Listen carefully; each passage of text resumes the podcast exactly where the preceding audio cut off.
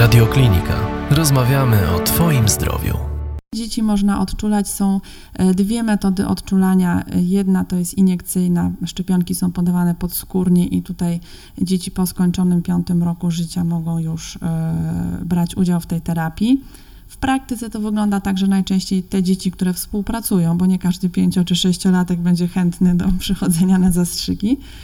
Natomiast młodsze dzieci, i tu w zasadzie uważa się, że nie ma ograniczenia wiekowego, aczkolwiek no jednak raczej y, po trzecim roku życia ze względów technicznych jest metoda jeszcze podjęzykowa, stosujemy roztwory y, podjęzykowe, czy u starszych dzieci tabletki podjęzykowe. Więcej audycji na stronie radioklinika.pl